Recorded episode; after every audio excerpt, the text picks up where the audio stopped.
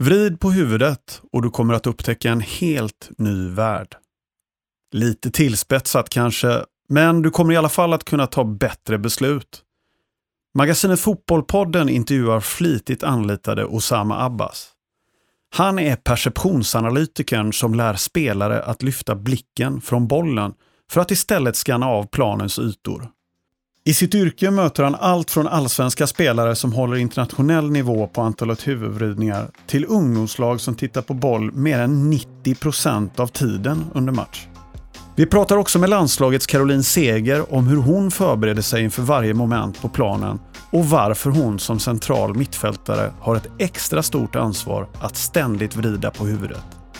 Du lyssnar på magasinet Fotbollpodden och jag heter Juan Martinez.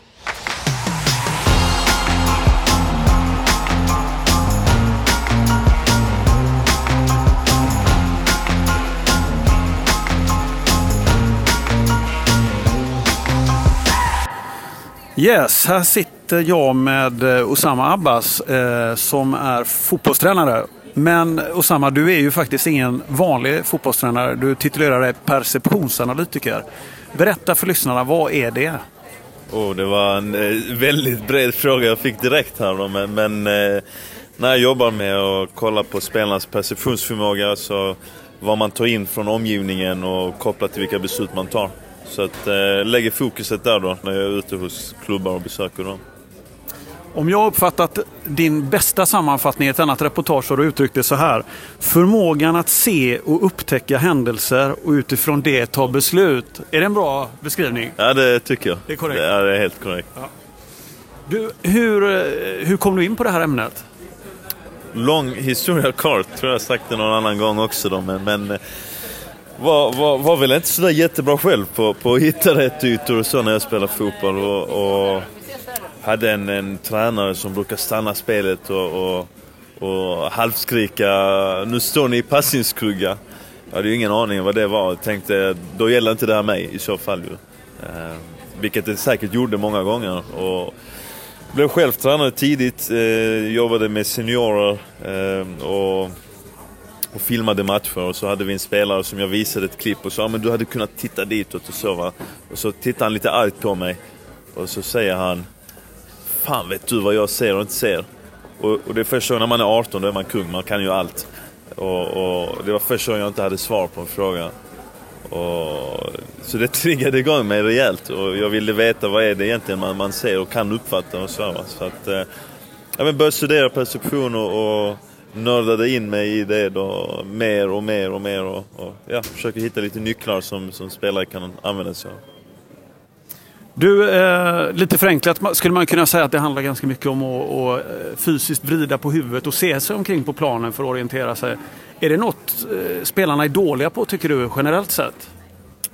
Jättestor förbättringspotential eh, där, där man kan se stor nytta. Bara man, man gör det lite grann så känner man stor nytta av det. Och man känner sig uppdaterad på plan. Bara man går in själv i ett spel och testar och nu ska jag aktivt vrida lite mer på huvudet, söka information. Så känner man direkt att nu har jag bättre koll. Man kan vända upp med bollen med ett självförtroende. Det är ju skillnad på att vända upp och veta att här kan jag göra det och, och, och chansa. Är det någon eller är det inte någon i ryggen? Så att, ja, det, det finns verkligen att förbättra. Hur, hur, tränar man perception rent konkret i en fotbollsträning? Alltså du tränar på det vare sig du vill eller inte. Så fort du går ut på en fotbollsplan, vi har medspelare, motståndare, ytor, bollen, linjer, massa saker att förhålla oss till. Så så fort du går ut och, och jobbar med fotboll så jobbar du också med din perception. Det är ju erfarenheter, det är minnesbank. Så, så det här är saker som vi hela tiden uppdaterar oss på. Men det är precis som när vi säger så här att så fort vi går ut på en fotbollsplan så jobbar vi också med fysbiten. Men den har kommit ganska långt i Sverige där vi, där vi kan vara ganska specifika och säga nu jobbar vi med exakt det här. Så hur kan vi få perceptionsdelen att bli lika specifik? Det, det är det intressant. Jag omformulerar mig och samma. Hur kan vi träna bättre perception? Okej, okay, en eh, hel del lägger jag på tränaren då. Och, dels att vi har träningar som stimulerar till huvudvridning. Att vi har öppna spel där inte bollen är angivet ska gå från punkt A till B till C till D. För, för det kommer ju stänga spelarens behov av att orientera sig. men även att spelarna i, i, i sig är nyfikna och, och vill veta och vill göra. Jag brukar säga, vill, vill man bli bäst på perception med sitt lag så kommer man förlora matcher på det också. Då får man ju vara beredd att göra det om man vill eh, ha ett lag som är duktiga på det här. Vi kommer tappa boll när vi, när vi kollar bort ifrån den. Och helt plötsligt ska vi ta emot en boll, var var den? Vi kommer ha en dålig första touch. Vi kommer passa lite sämre när vi ber spelarna titta upp när de ska spela på en passning. Men på det långa hela så såklart givande för en spelare. Det låter ändå som att det krävs en viss grundteknik för att eh, kunna öva den biten Självklart. du håller på med. Självklart, men det är den här frågan hela tiden. När börjar vi med för börjar vi läcka in det tidigt, det tycker jag man ska göra. För, för sen har vi helt plötsligt 14-åringar som, som har bra teknik hela livet, som har dribblat runt koner, men kollar ner och så ska vi lära dem helt plötsligt kolla upp. Det är inte så lätt. Eh, hur mycket information kan man ta in under sådär snabba sekvenser när spelet är igång? Hur, hur mycket kan man egentligen registrera? Ja, det är en bra fråga. Det, och, och det, det här kan man ju tvista om länge. Hur mycket kan man ta in? Och, och sen också, vad baserar man sina beslut på? Alltså det man ändå har tagit in. Det är inte alltid du baserar dina beslut på det du har tagit in, utan det kan också ha att göra med tidigare erfarenheter, vilket du oftast har. Så alltså din minnesbank som du har. Så, så för mig blir det egentligen mer viktigt för tränarna att stanna i spel, i träningar. Och, och vad har du nu observerat? Varför gjorde du som du gjorde? Så att vi, vi får en medvetenhet hos spelarna. Istället för att analysera ett fall, undra hur mycket man tog in i det här fallet. Nej, nej. Utan backa bandet och, och, och fråga vad har du kunnat observera? Varför tog du det här beslutet? Det kan vara egentligen ett omedvetet beslut som vi i ett senare skede gör medvetet istället. Vi kommer ju ha liknande sekvenser framöver. Det låter ju hela tiden någonstans som att man pratar om spelförståelse och speluppfattning ja. i, i, i, det du säger. Absolut, Stämmer det? Absolut. Och att det är den man förbättrar helt enkelt? Ja, så är det ju. Och, och ju mer vi prövar, ju, ju, mer vi utsätter oss för, desto lättare har vi sen att selektera när vi väl ska ta ett snabbt beslut. Så det gäller att utsättas för massa saker. Det, det kan jag, jag vara på träning, att jag, jag säger till min backlinje att eh, nu ställer vi forward offside. Vad händer då för forward? Vad måste jag observera? Eh, nästa gång så viskar jag till forward, stå offside med vilje. Hur kommer det påverka min backlinje? Vad observerar de nu? Ja, nu måste jag vrida på huvudet. Jag har en forward bakom mig som står offside med vilje. Hur hanterar jag det? Det här kommer uppstå situationer som, ja vi kan vänta till matchen där de uppstår eller så tar vi dem i träning och diskuterar kring dem. Och så kommer de ske tre, fyra, fem, sex, sju, åtta gånger till. Och, och nu börjar jag hitta ett mönster där eh, hjärnan förstår vad som händer men jag måste ändå observera det. Och vi kopplar till erfarenheterna vi får. Så någonting. Jag har ju sett på din eh, hemsida, det är mycket bilder med teknisk apparatur, ja. speciella glasögon och ja. så här. Jag antar att du mäter ändå på eh, elitnivå hur spelarna registrerar och så här. Hur, hur, mäter du vad spelarna registrerar och ser under ett sånt här moment?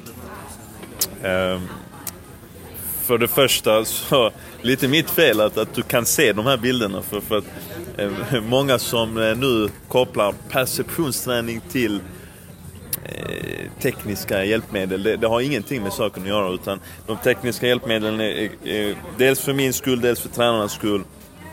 Såklart också då för den spelarens skull och kunna... Eh, ja men det är ett verktyg där vi kan följa utvecklingen, inte mer. Eh, men som svar på den specifika frågan då så så eh, eye-trackar vi spelarna där vi kan följa pupillen och direktseendet. Och det är med hjälp av direktseendet vi tar eh, informationspunkter som vi sen processar i hjärnan. Så att här kan vi följa egentligen direktseendet. Du kan tänka när du fokuserar på någonting så är det det du ser. Då. Och sen kopplar vi det till kanske lagets arbetssätt. Vad vill tränaren i det här fallet i den här uppspelsfasen? Vill du att mittback ska prioritera in i mittfältare?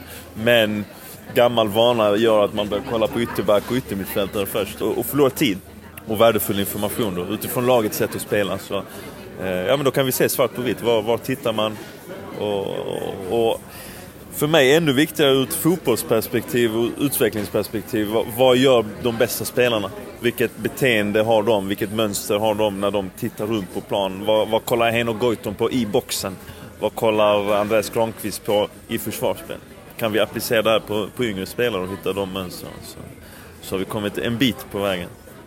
Det låter ju ändå extremt avancerat när du berättar att ni följer pupillrörelser. Och... Ja, nej, men för, för spelarna...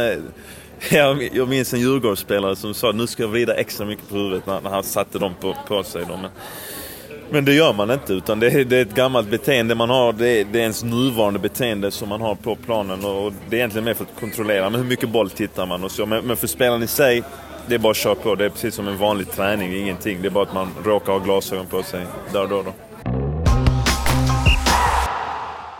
Kan man jobba med perception i alla åldrar, hur unga människor som helst? Ja, alltså, det, det kan man ju. Sen har du ju nackdelen med att ha lärt sig något och sen behöva lära om sig. Har du med, med de äldre spelarna och sen har du de yngre spelarna som har lite mer tunnelseende. Det vet vi i trafiken bland annat. Då. Så, så att det, visst, det finns ju guldår precis som i det, det tekniska.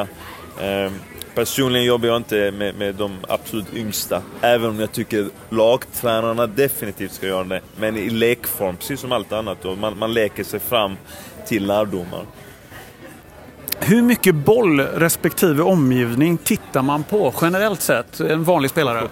Eh, snackar vi en svensk generell spelare eller snackar vi en, en, en spansk generell spelare? vi kan ta bägge fallen. Alltså, så att, eh, om vi utgår från Sverige där jag jobbar mest då, så är det skrämmande mycket bolltittande. Och jag ber tränare att, att titta på sina spelares eh, huvuden, var de är riktade mot i princip när som helst under en match. Och jag skulle gissa på att i princip alla där och då tittar på bollen. 22 spelare tittar på boll och bollen ger inte jättemycket information förutom att där finns bollen. Resten av omgivningen, ytor och medspelare och motstånd. Visst, man kan identifiera saker samtidigt som man kollar mot boll. Men om jag har riktat mitt fokus mot bollen så är det mest den information jag processar. Så det bästa exemplet i Allsvenskan som jag har mätt eh, ligger på ungefär eh, dryga 20% bolltittande under ett anfall. Resten omgivning. Eh, där mycket av det ligger på ytor. Det, det är fantastiska siffror. Då snackar vi internationella eh, mått. Där, alltså det här är riktigt bra. Samtidigt som alltså, vi kan se ungdomsfotboll där man lätt kan ligga på 90% bolltittande. Det är för mig lite mer skrämmande. Hur kan vi få spelarna att se mer på omgivningen? Då blir man lite nyfiken på vem den här spelaren är. Och samma är det något du kan avslöja? Ja, men eh, Junior i Hammarby. Så det är mycket huvudvridning där. När, när, jag, när jag var hos Hammarby och gjorde de här testerna så bad jag tränarstaben att skicka fram någon som ni tror ligger högt. Och det var... Eh, du ska få se det klippet sen när han vrider på huvudet. Men, men, och det är inte en slump när vi sen kollar på Juniors siffror. Hur mycket boll tappar han? Det är inte mycket boll han tappar. Han spelar ändå inte bara sidledspassningar utan han spelar ändå framåt i plan. Avgörande passningar. Eh, längre passningar där, där han kan bryta block. Är det en slump att han kollar lite boll, jättemycket omgivning och sällan tappar boll? Jag skulle inte tro det. Är det så att han är extremt bekväm med bollen? Han, han behöver inte titta helt enkelt? Ja, men det, men det är återigen det. Va? Alltså, har han bollen när han gör det eller inte? Han har inte bollen under tiden han kollar på omgivningen. Det är sällan han rör bollen kanske under match. Det är en, två, tre touch. Spela tillbaka eller vänd och spela fram. Så att för mig har det inte... Det behöver inte ha ett samband med det tekniska, för vi snackar ofta, behöver du vara bra tekniskt? Ja men det är inte hur mycket har du bollen under en match, det är ett par sekunder. Men resten av tiden. Så perceptionen är inte bara offensivt, det kan vara defensivt. Att, att jag ställer mig rätt. Vilken yta ska jag stå på? Så att ja, det... Du, kan man eh, implementera perceptionsträning på befintlig fotbollsträning? Lägga in i vilka övningar som helst eller eh, måste man vrida om sin verksamhet lite? Vrider vi om så, så gör vi fel. Eh, spelarna ska inte känna att nu kommer jag till något helt nytt, cirkuskonster och så. Va? För då, då, då har vi hamnat för långt ifrån fotboll. Och, och hur stor blir överföringseffekten då? till det vi faktiskt ska göra. Så det är match vi ska spela i slutet av veckan, på lördag, på söndag. Och då måste vi ha tränat inför den matchen, likt det vi ska göra, likt de aktioner vi ska utföra. Så oh nej, hitta era bästa övningar som ni brukar göra och sen kanske vi kan skruva på dem. Hur kan vi få till beslutstagande i den här övningen? Hur kan vi få till det jag brukar kalla för eh, oregelbundenhet i den här övningen? Alltså, nu går övningen från A till B till C där vi vet hur bollen ska gå. Kan vi få den till att bli oregelbunden på något sätt? Fundera som tränare. Hur kan vi få till ännu fler beslutstaganden? Och kommer det i sig göra så att spelarna behöver söka information? Absolut. Så bara att hitta våra befintliga övningar som vi gillar att göra och skruva lite på dem. Och få spelaren att känna medvetenheten och, och framförallt att det här gör mig nytta. För känner de inte det, ja det vet du själv som tränare. Hur många gånger har vi bett om en avledande löpning på träning? Gör de den i match? Han känner inte nytta av den som forward för han gör ändå sju mål varje match. Varför ska jag då först möta och sen sticka. Men så fort jag känner att det här ger mig nytta så är det större chans att jag gör det. Du måste kunna motivera ja, ditt ledarskap, syftet. Ditt ledarskap eh, ställs på prov, så är det. Eh, du, Osama, kan man träna perception på olika sätt beroende på positionen på plan? Absolut, men då, då är vi tillbaka till att, att göra det matchlikt. Eh, som innermittfältare så ställs du inför helt andra förutsättningar. Eh, där, där du har ja, 360 grader runt dig, där du behöver söka information. Eh, där du kanske som yttermittfältare inte behöver det på samma sätt, där du som mittback är rättvänd. Men var börjar jag titta någonstans? Så, så givetvis anpassa utifrån position.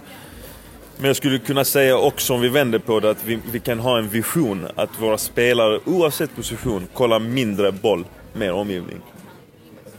Och när det gäller ett lags spelidé eller arbetssätt då? Är det olika där också? Uh, att jag tänker på beroende på vilken arbetsmetodik eh, laget har och vilken spelidé man har. Ja men så är det. Man kan ju konkretisera vad man ska kolla efter eh, utifrån sitt sätt att spela. Eh, återigen, man kan generalisera och säga att vi vill söka så mycket information som möjligt där vi kan ställa krav på att var tredje sekund, varannan sekund så ska vi bryta bollbanan med blicken och kolla bort för att söka annan eh, vettig information. Men det kan också vara att vi säger att den här vettiga informationen befinner sig där och där och där beroende på att det är de här tre spelalternativen vi vill ha. Eh, jag skulle inte rekommendera det för de yngre i och med att det här begränsar då beslutstagandet. Om vi säger då till en spelare du kan spela dit eller dit. Eh, ja, men, ja, visst, jag kommer kolla efter de här två alternativen och ta ett beslut. Ett förmodligen ännu snabbare beslut än vad jag kanske hade gjort.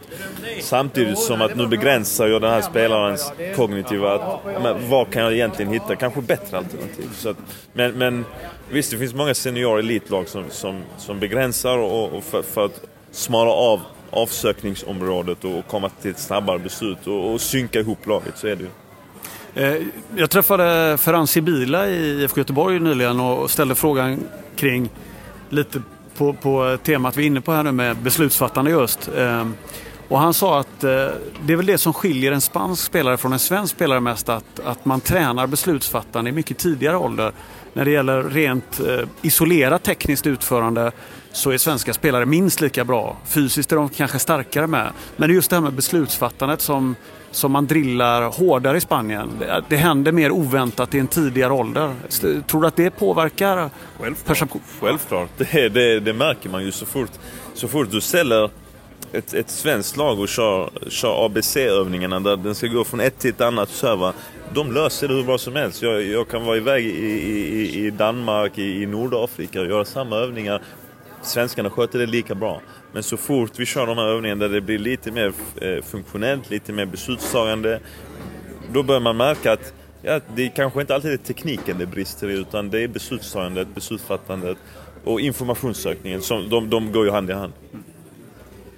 Eh, vilken är den vanligaste frågan du får?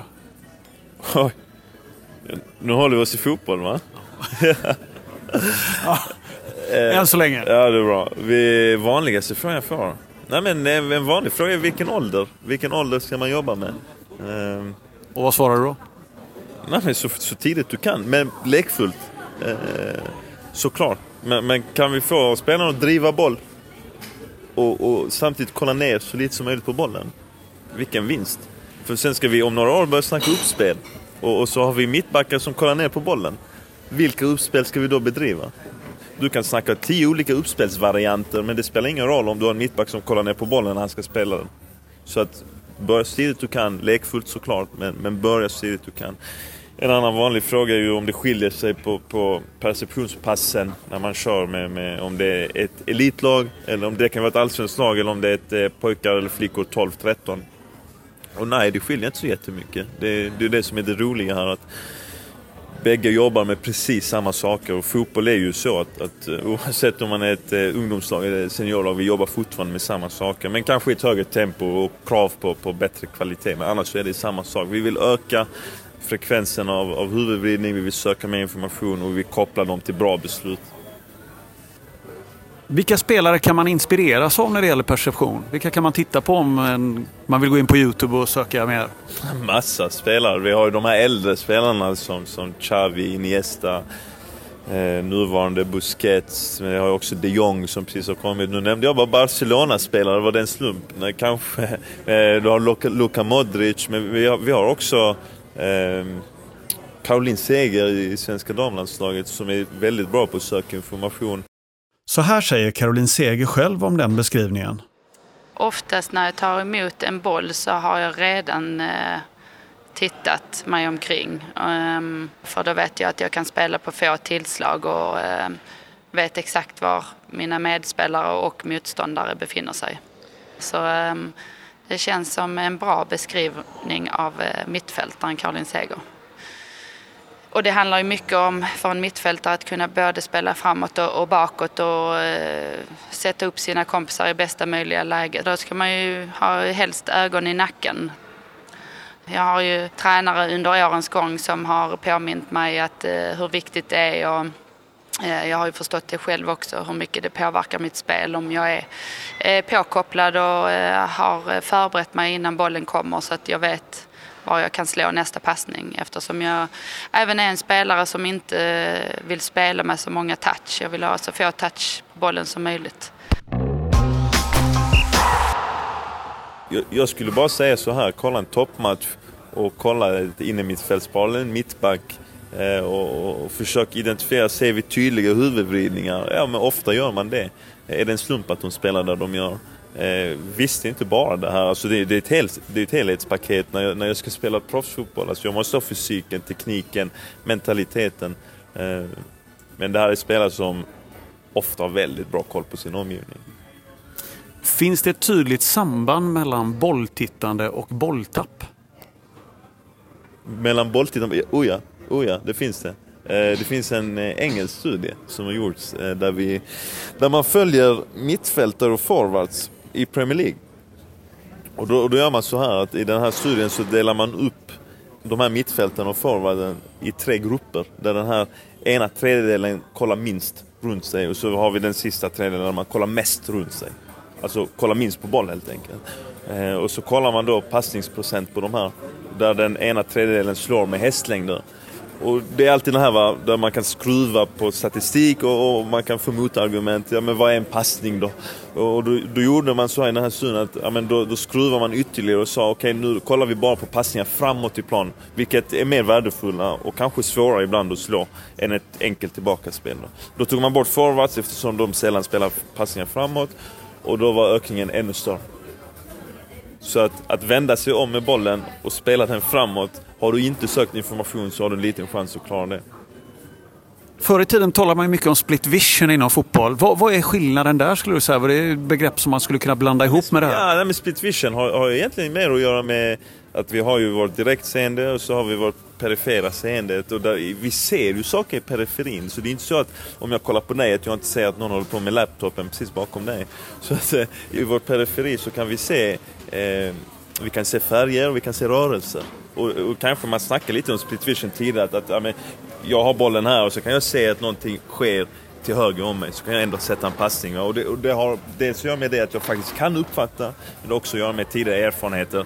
Man hör expertkommentatorer säga att han spelade den på blindo för att han visste att någon skulle vara där. Ah, jag vet inte om det var på blindo, men av erfarenheter och antagligen då periferiseende. Däremot så Periferiseendet hjälper oss att få en helhetsbild av rummet, men vi behöver direktseendet för att processa informationen. Och mängden direktseende är inte det vi är ute efter att öka, för det ökar inte. Så länge vi inte blundar så har vi direktseende, utan det vi är ute efter är att sprida det geografiskt. Konstant, så får vi en bra bild av omgivningen som är ganska uppdaterad.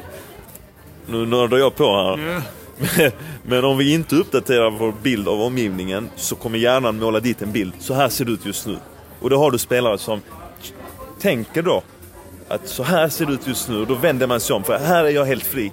Vänder sig om och så bam, så är det någon i ryggen och så smäller det och så tar de bollen. Och så, omställning eller vad det kan vara. Så att, att uppdatera sin bild. Eh, vi har varit inne på det lite Osama, men om du skulle träffa ett gäng tränare nu, breddtränare, och de skulle fråga hur ska vi börja jobba med det här? Vad skulle du säga då? Ett par Nej, konkreta tips. Jag skulle säga att jobba i, oregelbundet i sina övningar eftersom fotboll är ett oregelbundet spel. Vi vet aldrig vad som händer i en match. Annars hade det varit busenkelt. Eh, så det är det ena, att, att, att kunna överföra det in i övningarna. Så vi försöker hitta dina övningar där det är, finns en oregelbundenhet. Det skulle kunna vara att vi sätter in en försvarsspelare som vi inte vet när han sätter press. Helt plötsligt blir det oregelbundet. Och att vi såklart har beslutstagandet i spelet. Låt spelarna ta besluten och sen koppla vad de har gjort till vad de har sett. Inte bra passat, utan varför passar du där? Och, och, då får jag en spelare som istället funderar på, ja men varför spelar den där? Ja men det fanns en tom yta, hur vet du det? Ja men det var för att jag kollade dit och såg den, ja bra. Så att vi kopplar görandet till seendet och, och, och då får vi kanske spelare som blir mer medvetna kring vad de faktiskt ser och känner behov av det. Om du fick välja, Osama, en uh, enskild spelare som du skulle mäta perceptionen hos, vem skulle det vara? Snackar vi allsvenskan eller du får, utomlands? Du får välja helt fritt. Du får välja helt fritt. Luka Modric, just nu. Eller Lionel Messi. Någon av dem. För att? Ja men eh, Modric har jäkligt hög frekvens alltså, på sina huvudfridningar. Det, det är massa och, och, han tar bra beslut. Eh, tycker jag.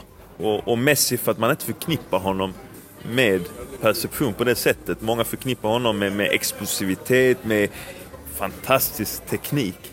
Ehm, samtidigt som han vrider mycket på huvudet fast man ser inte det. Det är lite som hans fötter, de går som trumpinnar. Det går huvudet också. Så spelar man upp ett Messi-klipp i, i, lite slow motion så ser man faktiskt väldigt många fler huvudvridningar än vad man kanske förknippar honom med. Och det är lite synd för att, för att många ser upp till honom och, och som du sa innan Youtube och så här, de, de kollar honom. De här unga spelarna försöker härma. Synd att inte han kanske är förknippad med det här för att jag tror många fler hade försökt härma och vilja göra precis som honom. Så att någon av dem kanske. Eh, ja, det var, det var de internationella. Samma, vi sitter i en eh, hotellobby och det kanske folk undrar, det låter lite. Då såg ju någon med laptop här som du sa. Du ska iväg strax på ett seminarium, ett symposium i Finland. Ja. Vad ska du prata om där? Nej, såklart perception blir du. Eh, det blir ju tränare och sportchefer eh, från hela Stockholm eh, som ska dit och lyssna. Det är inte bara jag som är där och föreläser. Peter Gerhardsson tror jag också är där bland annat. Då, som Stockholms fotbollsförbund eh, anordnar. Så, så ska jag försöka introducera perception, eh, försöka hålla mig ganska brett i ett nördigt ämne. Men som du sa tidigare, spelförståelse, om, om vi skulle sätta ett, ett täcke över det här ordet. Då. Eh, hur kan vi integrera det i våra träningar? Hur kan vi eh, jobba med spelarna långsiktigt för, för att få ut huvudvridningar? Hur ser du om du tittar framåt och samma, är det här en del som kommer att bli självklar inom fotbollen på sikt eller Kommer ni vara ett litet skrå som är unikt och har den här specialkompetensen? Nej, så det, det håller på att explodera. Det är jättekul. För ett, för ett par år 2012 när jag började med det så, så sa man perception så sa folk va? Eh, och det var några fåtal som eh, antingen kände igen ordet eller som, som hade lite koll. Idag jobbar alla akademier med, med det på ett eller annat sätt. Eh, återigen, vi, vi, måste bara spetsa till det lite till så, så, att vi faktiskt... Det är ingenting som säger att vi i Sverige inte kan bli bäst på det här. Det finns ingenting. Eh, ingenting som kan hindra oss, eller hindra ett breddlag från att bli bäst på det här i serien. Vad är det som säger att du inte kan vrida lika mycket på huvudet som motståndarna eller som Ajax ungdomsakademi? Ingenting. Sen har de 17 000 spelare att välja på och, och, kan få fram jättetekniska spelare och så. Men ingenting säger att du inte kan vrida lika mycket på huvudet som din motståndare. Det tycker jag är fascinerande. Att vi kan faktiskt välja här och nu och bli bäst på det här. Finns det enskilda länder som är jättelångt fram ja, inom området? Holland, men alltså vi kan bara gå över sundet. Nu är vi på fel sida av Sverige höll jag på att säga, men sundet för mig är Danmark. Och, och kollar vi bara över sundet så danskarna har kommit långt tycker jag. Jag tycker personligen de har kommit längre än oss, men det är en fråga att man är medveten kring den och, och jobbar aktivt med det. Um, men holländarna har kommit jättelångt, spanjorerna såklart. Uh, men, men det, det, är mycket beslutstagande, det är mycket eh, matchflikt det man gör. Osama Abbas, stort tack för att du gästade oss i Magasinet Fotboll. Tack själv, kul att snacka med dig. Du har lyssnat på Magasinet Fotbollpodden med Osama Abbas, perceptionsanalytiker och Caroline Seger, landslagsspelare. Jag heter Juan Martinez. Har du några funderingar, ämnen eller tips som du tycker att vi bör ta upp? Hör gärna av dig till podden at svenskfotboll.se. Det är tillsammans med er alla, tränare, spelare, föräldrar och ledare, som vi gör svensk fotboll bättre.